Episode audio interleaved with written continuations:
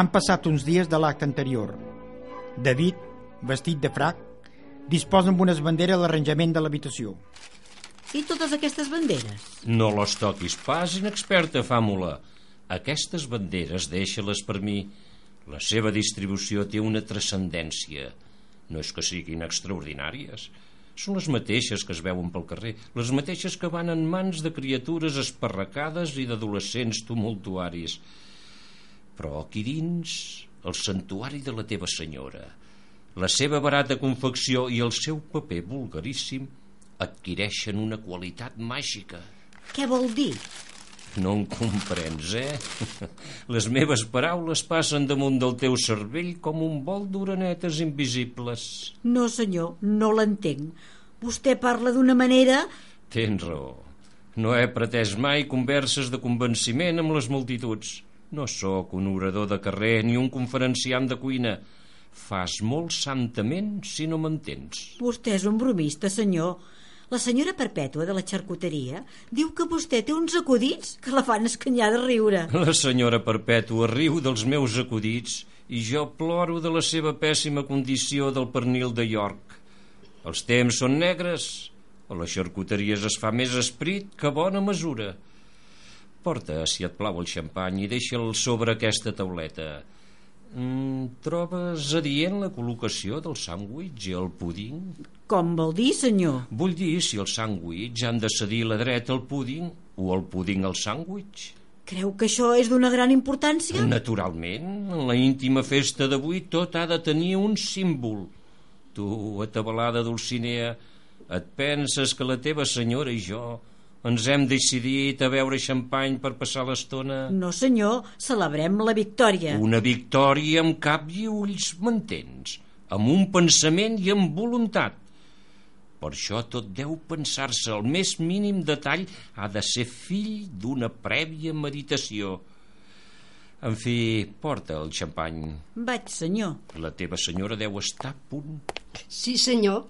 A punt de brindar la primera copa. Sílvia! Què li passa? Esperava molt, però no esperava tant. Amic meu, és l'únic vestit de nit que posseixo. Potser és una mica antic. L'únic que he tingut a la vida. I no és recent. Fa 35 anys que vaig estrenar-lo. Fou el maig del 1910. 1910, Sílvia. 1910. Aturis, no es mogui, senyora. Deixi que el meu pensament faci un viatge retrospectiu. Deixa incórrer amb la rapidesa d'un llampec damunt un gran cementiri de llàgrimes i d'actituds que han passat a la història. 1910. Quin temps, senyora meva, quin temps. Millor o pitjor que el temps que vivim? Millor o pitjor? Escolti, Sílvia, la resposta més fàcil, la que s'acut de seguida qualsevol persona de la nostra edat és dir millor, molt millor, però molt millor que el temps que vivim. Però vagi a saber si una resposta així, tan fàcil, no deixa de ser una estupidesa. Per què millor? Perquè aquesta maquinassa d'avui que ens fa rodar com a ninots dins del seu cruel llenguatge era només una maquineta inofensiva que la podíem contemplar com un rellotge de butxaca?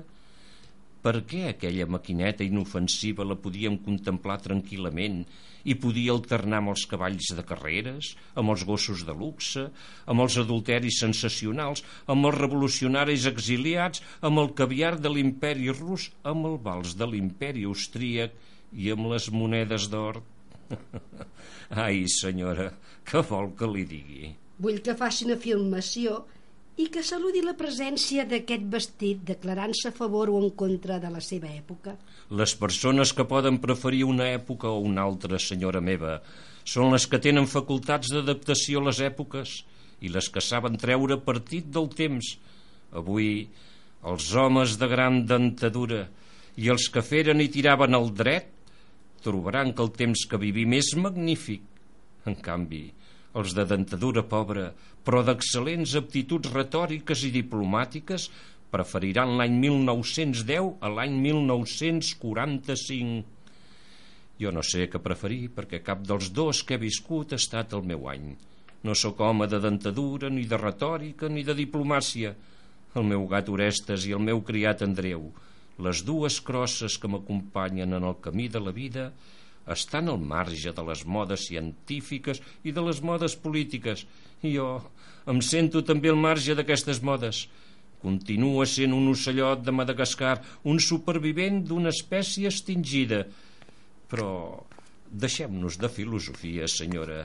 Miri, aquí ve el xampany. Espero que el xampany, sense filosofia, el farà pronunciar sobre el meu vestit. Els meus ulls ja s'han pronunciat. Si tinc els meus dubtes sobre la moral de l'any 1910, aquí va l'adhesió absoluta a la coqueteria de 1910 Aquí va el meu entusiasme pel seu vestit de fa 35 anys. Suposo que aquest vestit per a vostè té una importància enorme. Ah, enorme és exagerat, però té la seva importància. Suposo que aquest vestit, dins la història de Sílvia, pot ser tan dramàtic com l'espasa de Damocles dins la història universal. Prefereixo, senyora, que no me la digui l'anècdota d'aquest vestit i que sumem la seva gràcia a l'emoció de la nostra victòria i prefereixo creure que les més malicioses fades l'han enllestit avui mateix per a la primera dama d'aquest moment. Visca la galanteria, David. I vostè diu que no és home de retòrica. Ai, si es descuida. Res de retòrica. Sinceritat, pura sinceritat. Vostè i el seu vestit, com el meu gat Orestes, com el meu criat Andreu, no són de cap època. De la mateixa manera que la seva fortuna no és matèria per les cròniques de societat. Vostè i el seu vestit només poden formar part d'una mitologia molt especial, d'una mitologia per a molts escollits, molt escollits. Tinc 50 anys, David. A 50 anys em vol fer tornar vermella. No digui falasfèmia, senyora, que potser es pensa que estic iniciant una declaració d'amor. Gairebé. Escolti'm bé, totes les declaracions d'amor són interessades, totes. I què vol dir? Que jo sóc incapaç de dir-li res que sigui interessat.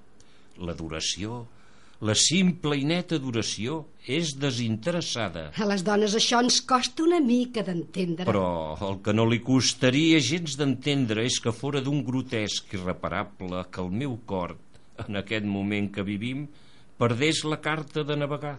Evidentment, fora d'un grotesc irreparable. Però l'adoració a la qual vostè lludia vol dir que no és una mica grotesca també? Opino el contrari, Sílvia. Si vostè la conceptua grotesca, jo accepto tot el grotesc de la meva adoració i espero, Sílvia, que la meva actitud grotesca d'adorador no la pot ofendre. Tot el contrari. A les dones aquestes actituds no ens ofenen mai. Més aviat acostumem a agrair-les i quan venen d'un ocell de Madagascar fins ens emocionen una mica. El xampany, Sílvia, el xampany. Per la victòria del meu fill Abel! Per la fortuna de Sílvia. Silenci, David. Han trucat a la porta. Ai, lamentable. Em començava a sentir inclinat cap a la victòria. Hi ha una senyora que diu que és la germana de la senyora. La meva germana. Déu meu! La meva germana sempre ha tingut el do de l'importunitat. Què li dic, senyora? Eh, si vostè creu convenient... Oh, no. Digues-li que passi. Senyora, potser la meva presència... La seva presència és una presència més dintre totes aquestes presències. Què vol fer-hi? Oh, perdona, Sílvia. Després de deu anys de no haver posat els peus en aquesta casa, me n'adono que no he triat un mal moment. Jo no suposava... La meva filla em va dir que tenies intenció de venir-me a veure. Per part meva puc dir-te que aquest és un moment, no és un mal moment.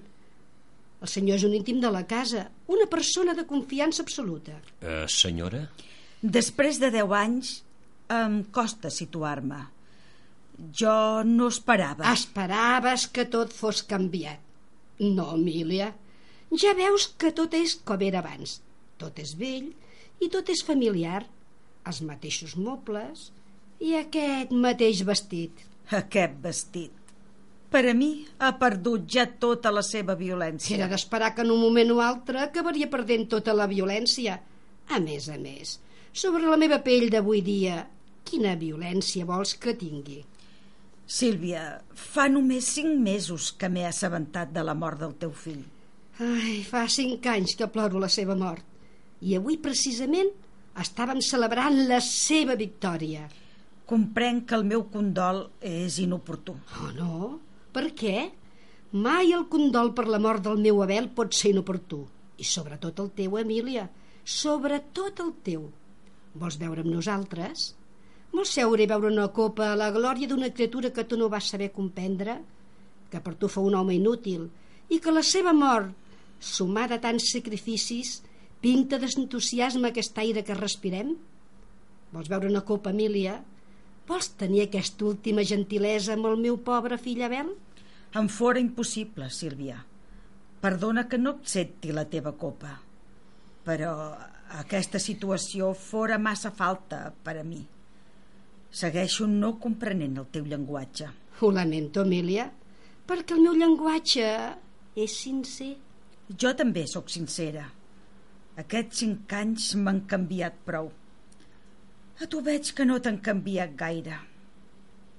Vols creure que venia disposada de la més bona voluntat? I em trobes incompatible amb la teva bona voluntat? No ho sé. Potser és meva la culpa.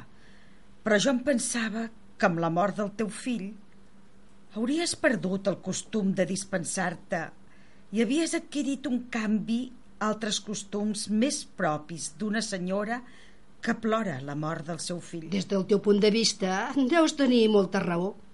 És per això que penso que tot el que jo et pugui dir ara, contestant la dura intenció de les teves paraules, seria completament inútil. Completament inútil. Em dol que no acceptis la meva copa de xampany. I a mi em dol no poder-la acceptar. Perdona'm la meva importunitat. No parlem més de perdonar. És grotesc. Senyor, no, no et molestis. Cap molèstia? No faltava més. Ai, em temo, modesta copa, que has fet un paper ridícul. Innocent beguda de la victòria, quina culpa tens tu de les incomoditats familiars? No pateixis més. Accepta la hospitalitat del meu estómac comprensiu. Això ho havia d'haver previst. La meva filla m'havia anunciat aquesta visita, però no em creia que fos tan ràpida. Sílvia, jo no conec el fons de la qüestió i amb prou feines m'he pogut adonar de la forma, però pel poc que he vist diria que aquesta senyora s'ha molestat perquè vostè no vol renunciar a la seva fortuna. És això mateix, David. Es pensava que havia perdut el que vostè anomena la meva fortuna. Es pensava trobar una Sílvia desemparada del tot i venia a oferir-me la protecció de la seva tristesa. Fa deu anys que aquest vestit, en una escena semblant, i fa 35 anys que aquest vestit... Eh, però deixem-ho córrer. No m'ha dit vostè... Que en l'ombra benèfica de la nit passada, les més malicioses fades han disposat la gràcia d'aquest vestit per a la primera dama del moment. Doncs acceptem la seva retòrica, David. Acceptem que aquest vestit ha nascut la nit passada per produir un imprevist efecte teatral. L'escena que acaba de presenciar vostè tindria unes conseqüències miserables. La meva pobra fortuna seria discutida sense pietat, però què importa? El meu fill continua somrient allà dalt, amb els que no s'adapten, i mentre jo espero somriure amb ell, no deixem refredar l'emoció de la seva victòria. No, no deixem refredar l'emoció. Una altra copa, Sílvia, una altra copa.